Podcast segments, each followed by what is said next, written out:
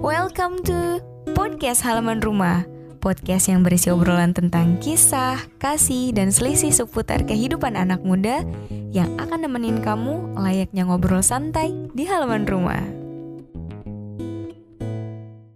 karena memang kita tuh baik di depan orang doang. Padahal kalau lagi sendirian itu kita tuh nggak baik sebenarnya. Berarti kan kita nggak kenal diri kita sendiri gitu. Eh, benar-benar. Kita- Hanya kita untuk baru mendapatkan kenal. prestise. Betul, karena kita baru kenal diri kita ketika ketemu sama orang gitu. Yang kita pun mungkin lagi pakai topeng waktu itu. Gitu. Assalamualaikum warahmatullahi wabarakatuh. Waalaikumsalam warahmatullahi wabarakatuh. Ketemu lagi di podcast halaman rumah dengan Aisyri Hadatul. Yeay, alhamdulillah. Halo Kak Fawaz. Ya halo Aisyah. Eh, Iya ya? nggak Oh, apa-apa. Aisyah. Aisyah.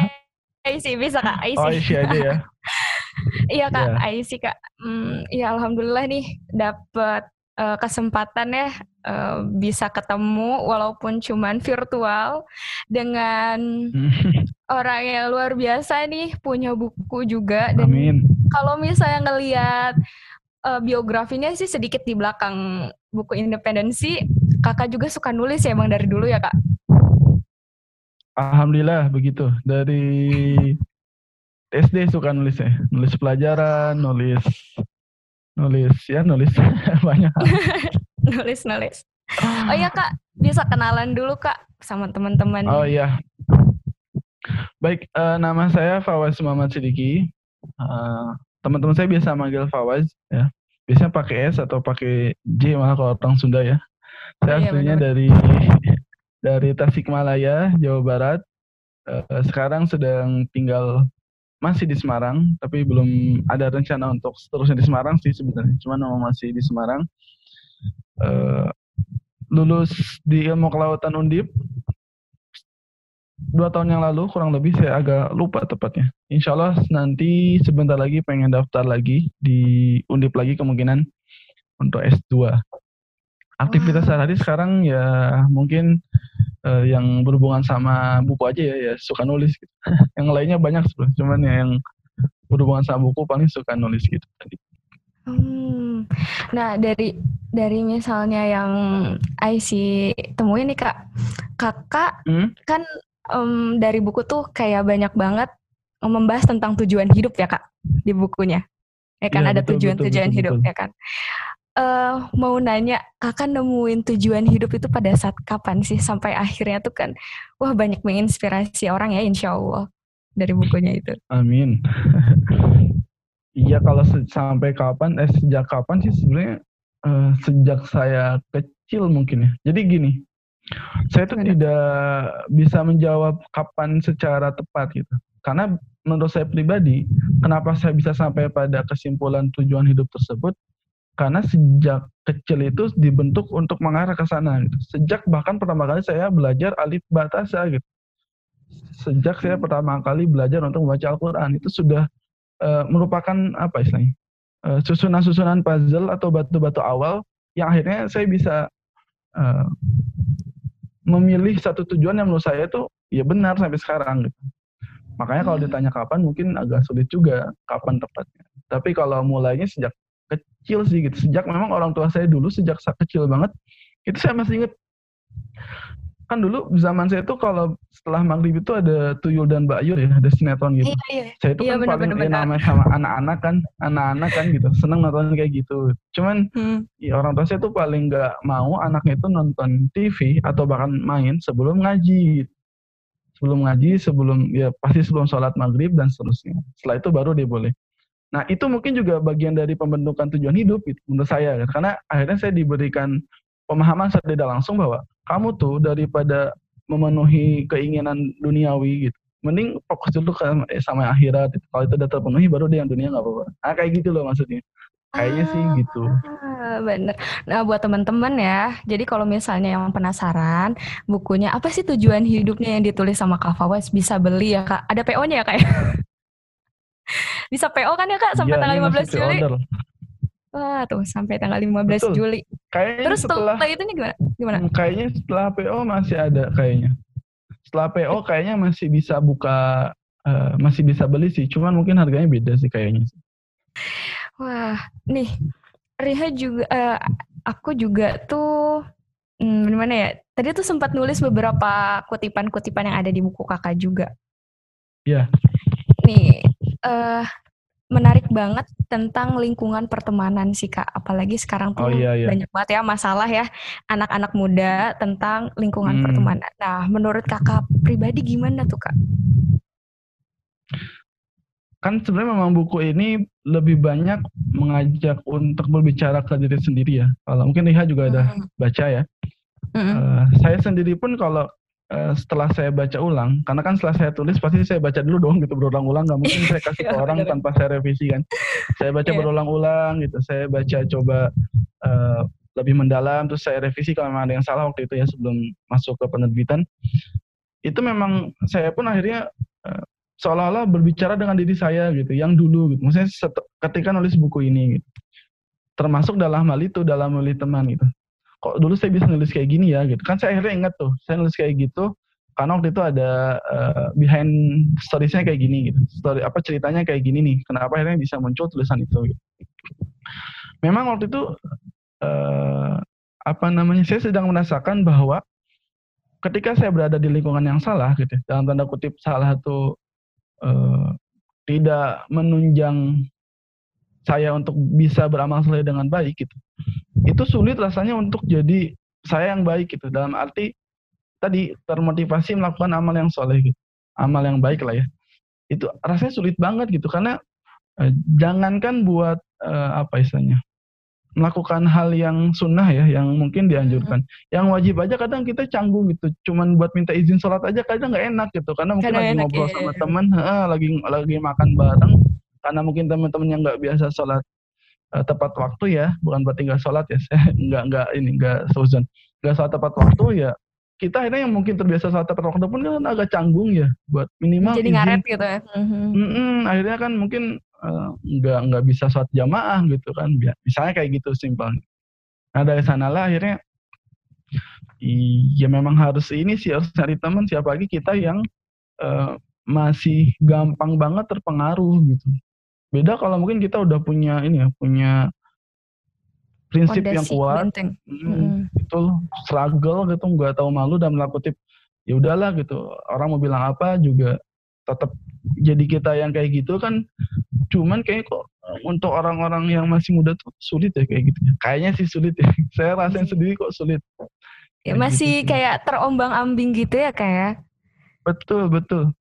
Masih ya tadi mudah berubah lah gitu kayak gitu hmm. tapi kalau misalnya nih kak ada pertanyaan nih dari teman-teman kalau hmm. misalnya gimana dong kalau misalnya gue cuman berteman sama yang baik, terus orang-orang yang kayak yang perlu seharusnya dirangkul itu gimana? Apa kabar katanya? Itu gimana ya, tuh paham, paham. tanggapan kakak?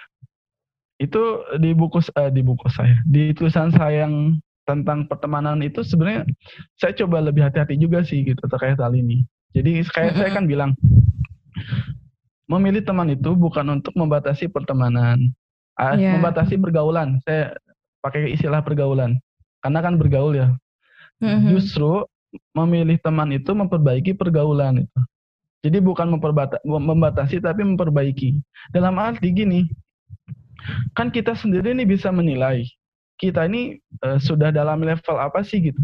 Berteman mm-hmm. level yang masih ikut-ikutan followers atau udah jadi yang diikuti gitu. Trendsetter misalnya. Kalau misalkan masih jadi follower sih ya paling aman nih tetap ngikutin orang yang baik lah gitu. Tetap pertemanannya baik semua gitu. Karena kita kan masih dalam level yang yang notabene tadi gitu. Belum bisa ngajak orang.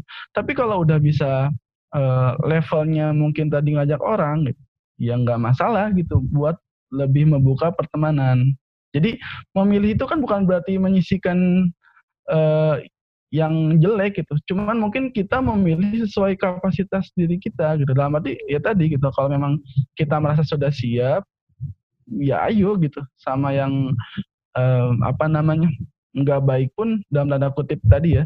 Bukan berarti hmm. kita merasa sudah baik ya. Tapi kita bisa mengajak mereka untuk baik juga kayak gitu.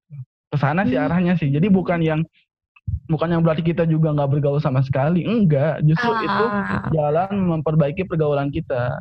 Kalau kita bergaul sama yang baik, insya Allah kalau kita pas bergaul sama yang jelek itu kita nggak ke bawah jelek gitu loh. Karena udah sering berteman sama yang baik. Nah kayak gitulah mungkin. Ah gitu. Ibaratnya mah berarti kayak gini ya kak. Kalau misalnya teman-teman baik tuh buat ngecharge kita tapi kalau misalnya teman-temannya itu tuh untuk kita rangkul gitu kali ya. Betul betul betul betul boleh lah gitu. boleh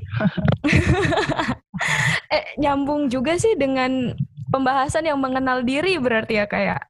itu ya, kalau misalnya ya. untuk untuk kakak pribadi tuh tips and triknya mungkin ya bisa sampai mengenal diri sejauh ini gimana tuh kak?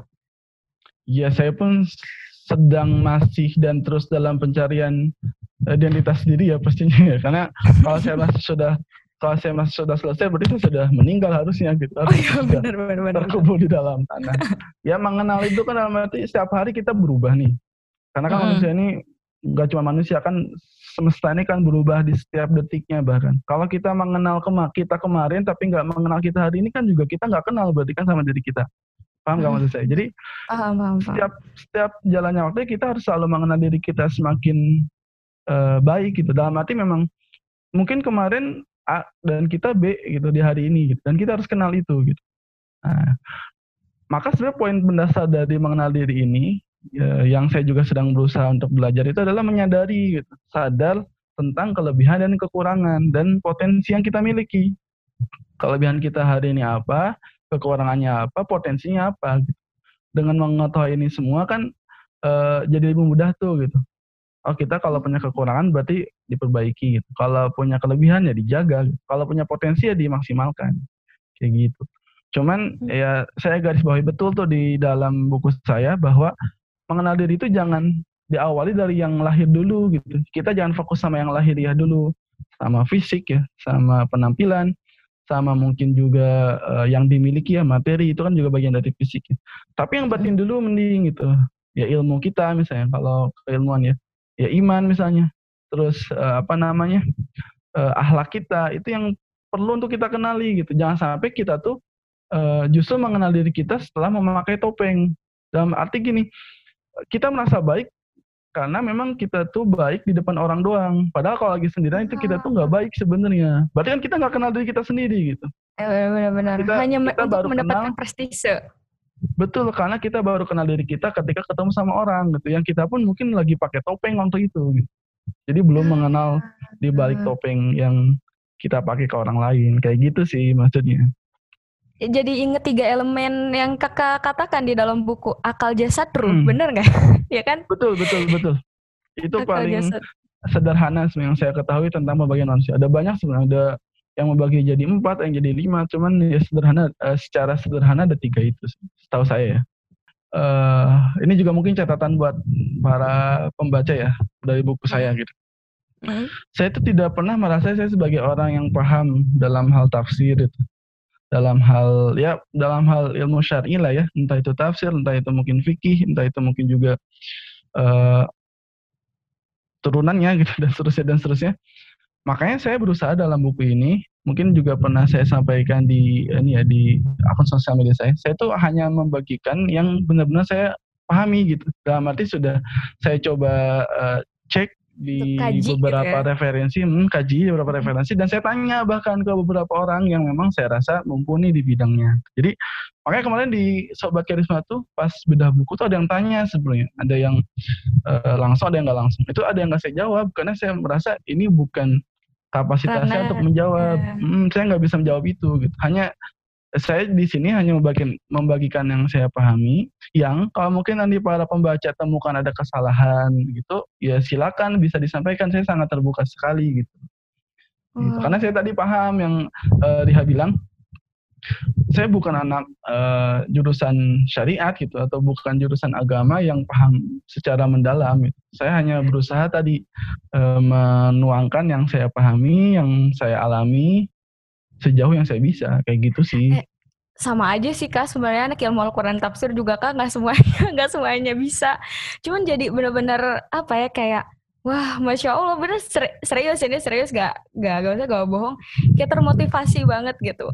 Dan nah ini nih kaitannya. Apa sih motivasi kakak bisa sampai kayaknya giroh semangat untuk menulisnya tuh besar gitu? Hmm iya iya iya. Karena saya merasa nggak punya apa-apa gitu yang bisa saya lakukan itu untuk dalam apa istilahnya?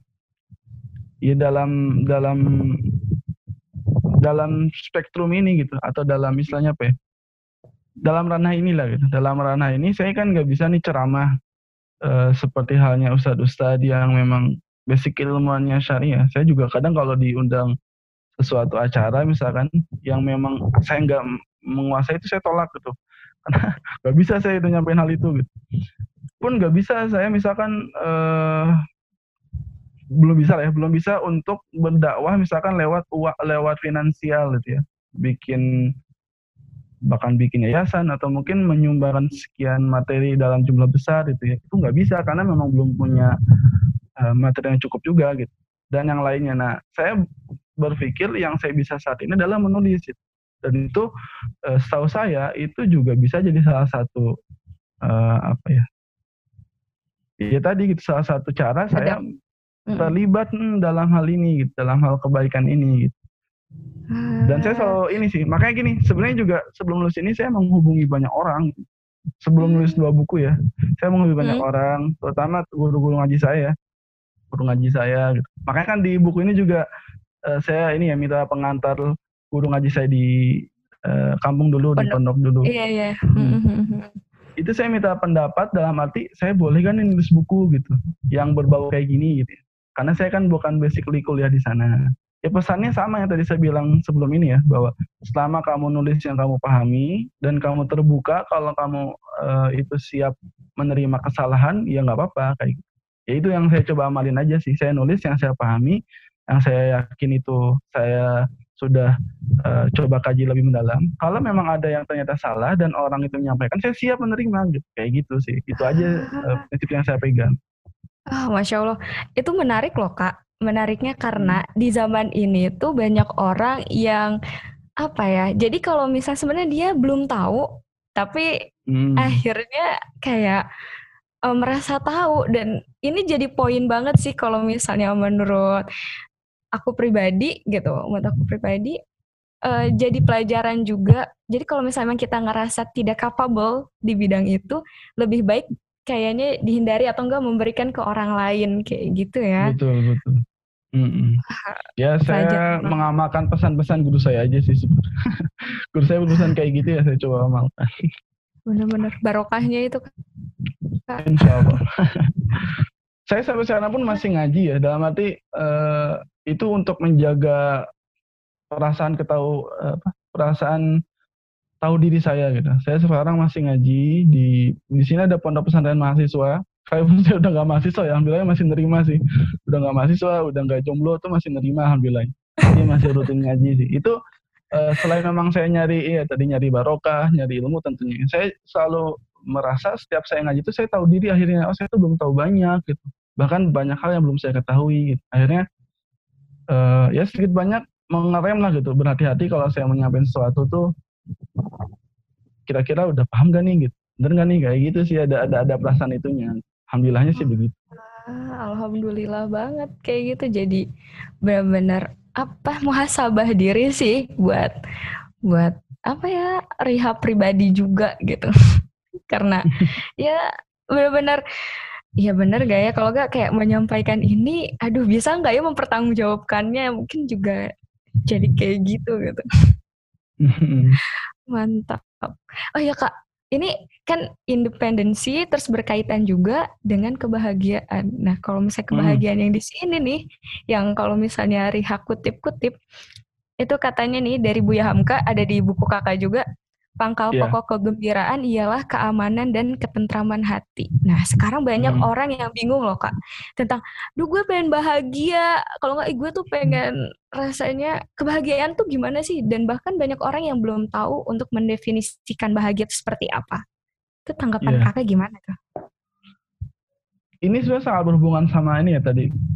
Awal banget kenapa saya pengen nulis buku ini. Saya kan lagi ada masalah waktu itu. Mm namanya orang ada masalah kan kadang nggak mungkin kayaknya nggak mungkin bahagia kan gitu kayaknya kan gitu. orang lagi ada masalah kok bahagia sih gitu nah terus saya tuh ingat uh, istri saya tuh sering gini sering saya nggak mau kepedean ya, cuman ini perasa apa uh, dari sisi saya aja yang bilang gitu. Saya ini kalaupun lagi ada masalah, itu kelihatannya biasa-biasa aja gitu. Bisa tidur gitu ya, makan yuk banyak gitu. Bahkan lagi sakit pun bisa makan gitu. Ya kadang istri saya tuh bingung gitu, kayak seolah lagi nggak ada saking bingungnya sampai kesel gitu. Padahal lagi ada masalah kok kelihatannya nggak ada masalah gitu. Nah kan saya kadang Lempeng, Kak. jadi betul. Saya bukannya nggak merasa nggak ada masalah ya dalam arti bukan yang cuek atau nggak mikirin. Justru saya tuh termasuk orang yang overthinking loh kalau nggak kalau nggak ini ya kalau kalau nggak tahu gitu. Saya tuh overthinking banget kadang gitu dalam beberapa hal sampai nggak bisa tidur kadang. Cuman ini memang nggak nggak sering aja sih gitu. Atau bahkan uh, nggak saya coba perlihatkan ke orang lain. Nah, makanya saya coba nulis uh, apa sampaikan di buku ini sebenarnya setahu saya kebahagiaan itu tidak uh, termanifestasi oleh atau gini, tidak perlu termanifestasi oleh hal lain itu, tetapi cukup kita menginternalisasi kebahagiaan itu dalam diri kita sendiri. Gitu. Jadi nggak perlu kita mencari alasan untuk bahagia, tuh kita bisa bahagia kok gitu. Apa alasan yang paling kuat? Ya kita masih bisa hidup gitu masih bisa bernafas itu udah jadi alasan paling uh, layak lah untuk kita bahagia. Apalagi kita sebagai muslim dan mukmin itu yang sudah sangat layak harusnya kita bahagia gitu. Karena kan kenikmatan terbesar di dunia ini kan ya keimanan itu kan itu dan keislaman itu sendiri kan. Kalau orang punya banyak harta tapi nggak beriman kan ya kita tahu gitu harta itu nggak akan berguna buat dia sama sekali di akhirat kelak. Tapi kalau kita nih muslim, mukmin, hmm nggak punya harta misalkan ya belum nikah misalnya. Lagi ada masalah itu tetap tetap masih bisa bahagia gitu. Kenapa? Karena ya namanya bahagia itu kan uh, yang sebenarnya bahagia kan gak di dunia kayak gitu loh. Jadi cukup kita tuh merasa bahagia dengan menjadi muslim sehingga nanti kita bisa merasa bahagia di akhirat kelak. Nah gitu loh. Jadi saya pengen mengajak untuk uh, tidak mencari kebahagiaan di luar diri kita dulu gitu. Sekalipun mungkin ya secara manusiawi pastilah kita uh, bahagia kalau misalkan tadi punya uang, misalkan punya uh, sekian materi yang lain ya, mobil dan seterusnya pasti tetap lebih bahagia. Cuman jangan itu dulu yang dikejar. Mending uh, fokus ke dalam diri kita sendiri dulu yang Allah tuh sudah berikan banyak alasan untuk kebahagiaan uh, untuk bahagia di diri kita sendiri. Termasuk tadi ketenangan hati. Ah, ya emang benar-benar ketenangan hati tuh mungkin ibaratnya mahal banget sih Kak kalau misalnya mm -hmm. karena nggak bakal Betul. bisa saking nggak bisa dibelinya saking nggak bisa di nggak bisa digadaikan pakai apa-apa karena itu mungkin anugerah juga dari dari Allah gitu. Betul betul betul. Eh, ya dan memang kan orang hari ini uh, saya sendiri kadang ini ya aneh gitu ya. Orang tuh nyari ketenangan tapi malah menjauhi sumber ketenangan itu orang tuh pengen pengen hidup tenang tapi malah melupakan uh, alasan untuk tenang itu sendiri. Padahal Allah kan sudah memberikan petunjuk ya di, di ya di panduan hidup kita di Al-Qur'an itu kan bahwa dengan mengingat Allah itu hati menjadi tenang. Ya kan ahli tafsir lebih paham lah ya.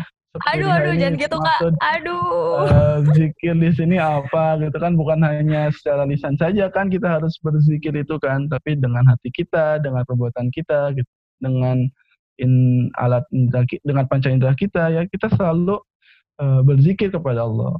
Itu kan sudah cukup membuat kita tenang sebenarnya kalau kita yakin dan uh, paham kayak gitu. Menarik juga dengan kata-kata yang gini karena memang banyak orang gitu yang tidak yang belum paham ibaratnya dunia itu dunia ini tuh untuk apa gitu? Maksud hmm. dunia ini untuk apa? Itu kali yang ada di tulisan kakak kan itu kan sebenarnya ini ya pertanyaan paling uh, paling mendasar yang sering ditanyakan orang-orang kan. Bahkan uh, apa namanya tahu saya salah satu pertanyaan paling mendasar dalam ilmu filsafat pun ya tentang itu gitu tentang kita ini siapa gitu diciptakan hmm. untuk apa gitu siapa pencipta kita itu kan pertanyaan paling mendasar. Nah kita tuh nggak usah capek-capek nggak usah sibuk-sibuk nyari udah ada gitu tinggal mau baca mau belajar dan yakini sepenuhnya gitu karena ya selayaknya orang eh, selayaknya makhluk ya kita hanya istilahnya perlu percaya sama yang menciptakan kita kayak gitu kan simpelnya kayak gitu sih Iya benar. Intinya mah kembali lagi ya kak, ingat ketujuan dan harus bisa menemukan tujuan hidup itu. Hmm, betul betul betul. Dan itu kan nggak mudah ya. Saya juga ah, saya juga nggak merasa sudah menemukan dalam arti menemukan untuk selanjutnya selesai gitu. Tetap masih terus mencari gitu, memperbarui mungkin uh, memperbaiki kayak gitu. Iya benar. Apalagi yang kalau misalnya background keluarga tuh ya kak, mungkin bisa jadi kita itu ya kita perlu bersyukur karena uh, mungkin dilahirkan dari keluarga-keluarga yang utuh, terus juga yang hmm, mungkin udah mengenalkan betul. tentang Allah sejak kecil. Sedangkan betul, mungkin betul. banyak dari teman-teman kita tuh nggak apa ya sulit juga sih nggak nggak bisa dipersalahkan gitu itu tuh. Karena juga yang membingungkan gitu dan mm-hmm. ya akhirnya jadi banyak masalah di dalam dirinya gitu kan. Mm. Nah, tanggapan kakak gimana tuh? Itu itu juga saya singgung di dalam buku ini sih, karena kan uh, saya pun gini soalnya. Sekalipun tadi saya di awal bilang saya alhamdulillahnya terlahir dari seorang ibu dan bapak yang care terhadap ilmu agama, terhadap uh, ibadah saya sejak kecil. Hmm. Cuman kalau pas saya lagi apa istilahnya ya lagi nggak nggak nggak ini lah nggak lagi down gitu saya juga kadang merasa gitu kok orang tua saya nggak seperti orang tuanya dia yang memang lebih alim gitu lebih paham tentang agama ya gitu sehingga saya bingung kalau mau tanya ke siapa kayak gitu loh nah makanya saya singgung di buku ini sebenarnya dan kenapa judulnya independensi karena hmm. E, menurut saya pribadi itu adalah hal yang saat ini langka gitu bahwa orang itu sekalipun dia memang punya potensi besar untuk menjadi baik, entah misalkan oh bapak ibunya juga baik, entah memang keluarga besar sudah baik, dia belum tentu baik kalau dia tidak e, menginternalisasi kebaikan itu dalam dirinya. Jadi kebaikan itu hmm. memang ada di orang tua, ada di e, keluarga, bahkan mungkin lingkungan sekitar. Tapi kalau dia tidak mau memasukkannya ke dalam dirinya, dia akan jadi baik kayak gitu.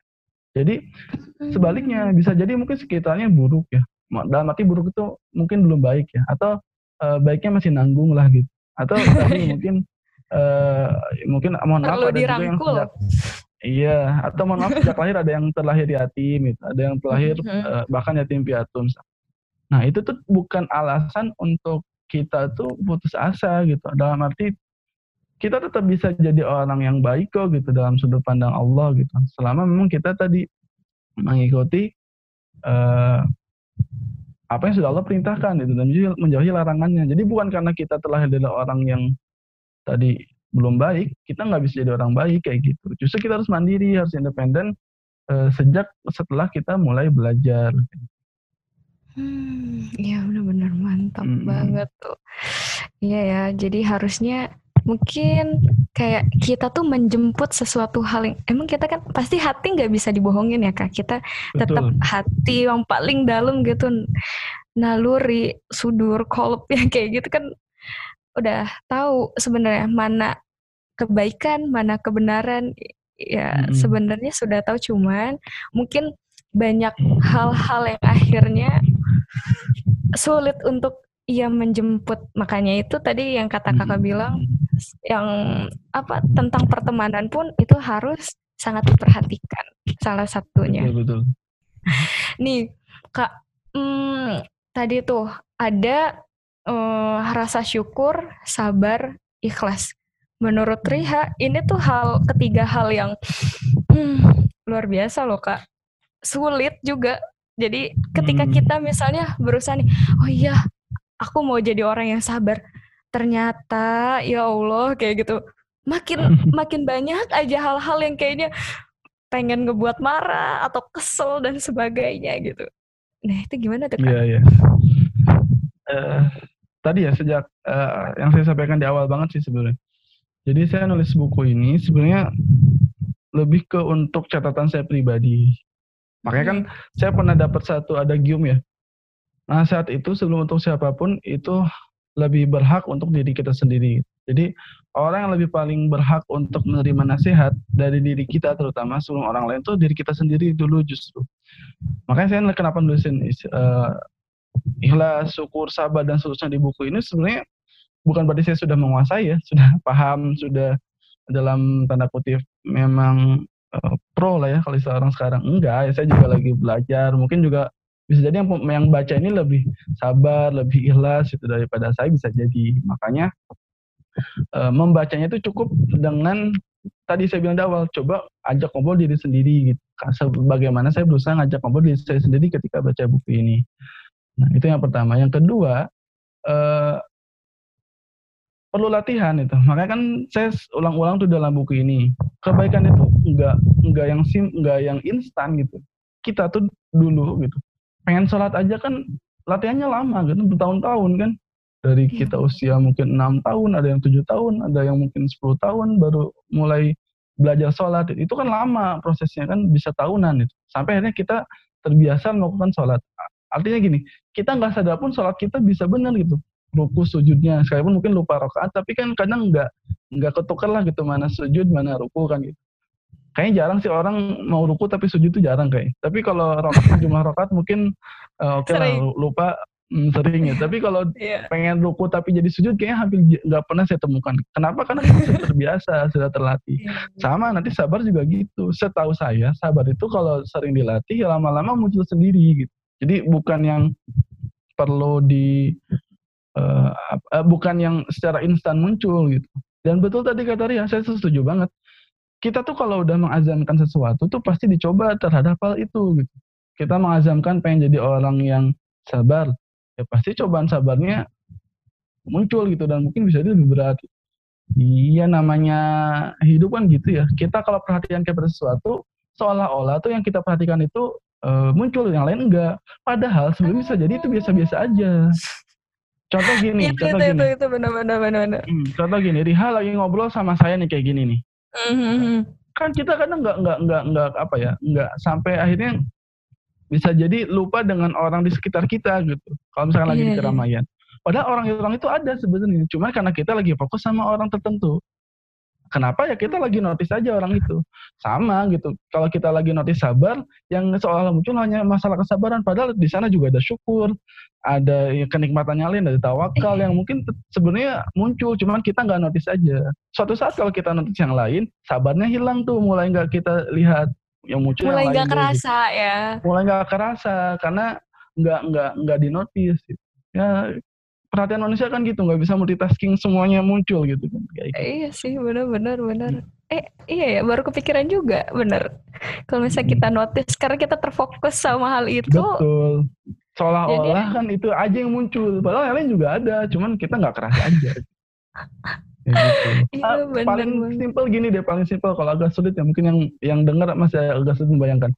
Teman-teman kalau lagi ada masalah itu nggak ngerasa kalau lagi lapar kadang mm -hmm. ya karena lagi banyak pikiran yeah. padahal ya lapar perut itu kalau misalkan kita lagi nggak mikir kayak gitu bisa jadi udah minta makan sebenarnya karena kita nggak kepikiran aja lah mikir yang lain akhirnya ya nggak nggak kerasa lapar kan persis kayak gitu lah Iya sih. Tinggal kita mengalihkan fokus ke mana aja sih gitu, biar nggak terlalu stres, nggak terlalu overthinking tadi. Ini juga saya bukan berarti udah bisa ya, udah udah perlu tadi. Dia lagi belajar juga, makanya lagi sama-sama lagi dalam taraf iya, kan belajar. sharing kak iya kan betul, sharing betul. nah kok kalau saya kakak pribadi ada, gimana gimana Hah? takutnya ada yang ngira saya udah pro gitu tiba-tiba ada yang nge-WA nanya saya tentang hal itu semua misalnya kan iya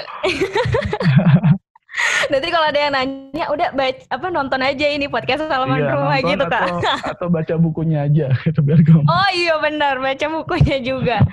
um, nah ini nih tentang kehebatan kak anak hmm. muda banyak banget kan pasti pengen jadi orang yang hebat gitu kan. Hmm. Kalau misalnya menurut kakak nih perspektif kakak tentang kehebatan itu seperti apa sih? Hmm. uh, Sebenarnya gini ya. Gimana tuh? Saya itu justru sering banget biasanya mendapatkan bahwa kesalahan kita itu dalam eh, kesalahan kita itu paling dasar ialah mendefinisikan sesuatu, termasuk kehebatannya sendiri. Jadi kita tuh memandang hebat itu dengan indikator yang kurang tepat, gitu. sehingga ya penyikapan kita pun tidak tepat. Gitu. Kenapa? Nah, kenapa bisa muncul definisi yang salah? Karena kita referensinya salah. Gitu. Dalam arti tidak mendahulukan referensi yang benar sebelum referensi yang salah tersebut. Kalau kita mendahulukan referensi yang benar kan yang salah itu kita tolak. sama tentang kehebatan. Kalau kita misalkan uh, sering melihat atau referensi kehebatan kita misalkan film-film yang uh, fiksi ya, yang uh, tidak nyata adanya, maka ya dalam diri kita mungkin akan terpikirkan orang hebat itu seperti Iron Man, seperti Captain hmm. Amerika dan seterusnya. Karena memang referensi kita orang hebat begitu. Atau ada orang yang orang hebat itu seperti Einstein, Einstein atau seperti yang baru-baru nih Elon Musk gitu, yang berhasil hmm. menerbangkan pesawat sampai ke uh, International Station Space gitu. atau saya lupa isi katanya ISS itu. Atau mungkin juga uh, Bill Gates misalkan yang orang sering bilang sebagai salah satu miliarder dan teknokrat hari ini dan seterusnya dan seterusnya. Itu mungkin mereka bilang itu orang hebat. Padahal uh, ya ya selama kita menempatkan indikator yang tepat mudah kok jadi orang hebat menurut saya kayak gitu sih. Contohnya apa? Kita nggak jadi orang terkenal gitu untuk jadi orang hebat. Karena salah satu indikator orang hebat itu kalau dalam Islam yang saya pahami ya itu bermanfaat bagi orang lain kan uh, khairunas afahum linas itu sebaik-baiknya hmm. manusia adalah yang paling banyak manfaatnya untuk orang lain maka nggak harus terkenal selama kita bisa ngasih manfaat atau sama eh, di mana pun kita berada kita berusaha ngasih manfaat kita itu jadi orang hebat maka mudah gitu itu tadi bermanfaat uh, apa namanya baik ke keluarga jadi anak yang berbakti ke orang tua, gitu. nggak yang nakal itu juga udah jadi hebat kok menurut saya gitu. Jadi, Karena nggak gampang, benar. Oh jadi orang nggak gampang loh jadi orang yang nggak nakal hari ini. Atau nggak nggak atau gini loh paling simple ya. Nggak gampang loh hmm? buat nge-share status-status apa status-status positif di sosmed hari ini. Karena pasti iya. dikencengin dan pasti dianggap iya iya benar nah, soalnya kan lah so benar so baik ya benar betul. Atau bahkan gini deh nggak katakanlah ngepost susah banget ya ngepost tuh masih berat nggak gampang juga kita nggak ngelihat gitu. nggak ngikutin atau nggak uh, ngefollow akun-akun yang nggak jelas gitu. dengan kita nggak ngefollow dengan kita nggak ngikutin pun itu udah hebat sendiri menurut saya gitu tanpa mungkin kita ngepost hmm. jadi simple aja sih sebenarnya selama kita jadi orang baik tadi sesuai dengan indikator yang benar itu udah hebat ah, banyak banget yes. ya penjelasannya ya intinya kayak gitu lah mungkin tapi tapi emang bener sih kak karena itu yang membuat uh, maksudnya anak zaman sekarang memiliki insecure tersendiri jadi dia akhirnya nggak pede hmm. jadi ya insecure mungkin hmm. karena mereka melihat orang lain dan tadi dengan kefamousan lah atau apalah gitu kan yang jadi akhirnya membuat mereka tidak percaya diri dan mereka padahal gitu ya sebenarnya sesimpel itu yang tadi kakak katakan kan kita misalnya berusaha untuk berbakti kepada orang tua Betul. berusaha untuk menyenangkan saudara kayak gitu itu adalah sebenarnya juga bermanfaat dan bermanfaat Betul. untuk orang lain juga adalah suatu hal untuk mencapai kehebatan gitu kan sebenarnya. Betul. Dan satu lagi ya, satu lagi ini juga yang salah. Dan ini penting banget sih saya sampaikan kalau ini. Baru ingat. Apa itu? Kita tuh nggak perlu jadi orang hebat di atas orang lain. Artinya, oh, ya, benar. kita tuh hebat, misalnya karena orang lain jelek, itu malah nggak hebat gitu. Jadi cukup eh, nggak uh, usah lihat orang lain deh gitu. Misalkan kadang kan kita gini, saking insecure-nya ya. Ada orang misalkan tadi uh, terkenal atau baik. Kita kadang lihat kan, ah dia mah terkenal gara-gara gini, ah dia mah baik belakang enggak. Nah, enggak enggak perlu kayak gitu gitu. Orang ya biarin aja orang uh, punya kelebihan, punya kekurangan ya wajar. Kita juga sama, kita juga jangan sampai kita merasa hebat karena uh, kita melebihi orang lain. Mending fokus ke diri kita. Gitu. Kita lebih baik dari sebelumnya juga udah hebat. Gitu. Menurut saya kayak gitu sih. Bener-bener be the best our version sih sebenarnya ya kayak ya. be the best hmm, ourselves. Gak usah gak usah lihat apa gak usah tadi hebat karena menganggap orang lain tuh nggak hebat. ya kita bisa hebat-hebat bareng kok. Semua orang bisa jadi hebat bareng satu dunia ini gitu. Nggak harus kita doang yang hebat gitu. kayak gitu. Iya benar benar benar benar kak benar banget tuh. Iya benar. Buat teman-teman juga masih uh, saya pribadi juga karena sudah meli sudah membacanya alhamdulillah. Wah terima kasih sekali loh kak. Betul betul. Iya dan uh, buat anak muda emang cocok juga sih. Bahkan bukan buat anak muda aja sih kalau misalnya menurut Riha pribadi. Karena emang ini banyak juga. Ah anak kecil. juga sih kak. Anak kecil anak kecil enggak loh kak. Nanti pusing oh, dia misalnya baca itu oh, mungkin buat para orang iya orang anak muda anak kecil. Buat orang tua, buat orang tua juga sih cocok sih karena uh, jadi kayak pas baca itu tuh jadi muhasabah dia iya bener nih kayaknya gue kayak gini. Oh iya ya jadi keinget-ingetan juga sih kayaknya oh iya harus kayak gini gitu. Mungkin hmm. apa ya jadi ada tamparan sih kalau misalnya buat rehab pribadi mah kayak ada tamparan untuk diri sendiri. Jadi kalian jangan lupa kalau misalnya mau beli ke mana kak?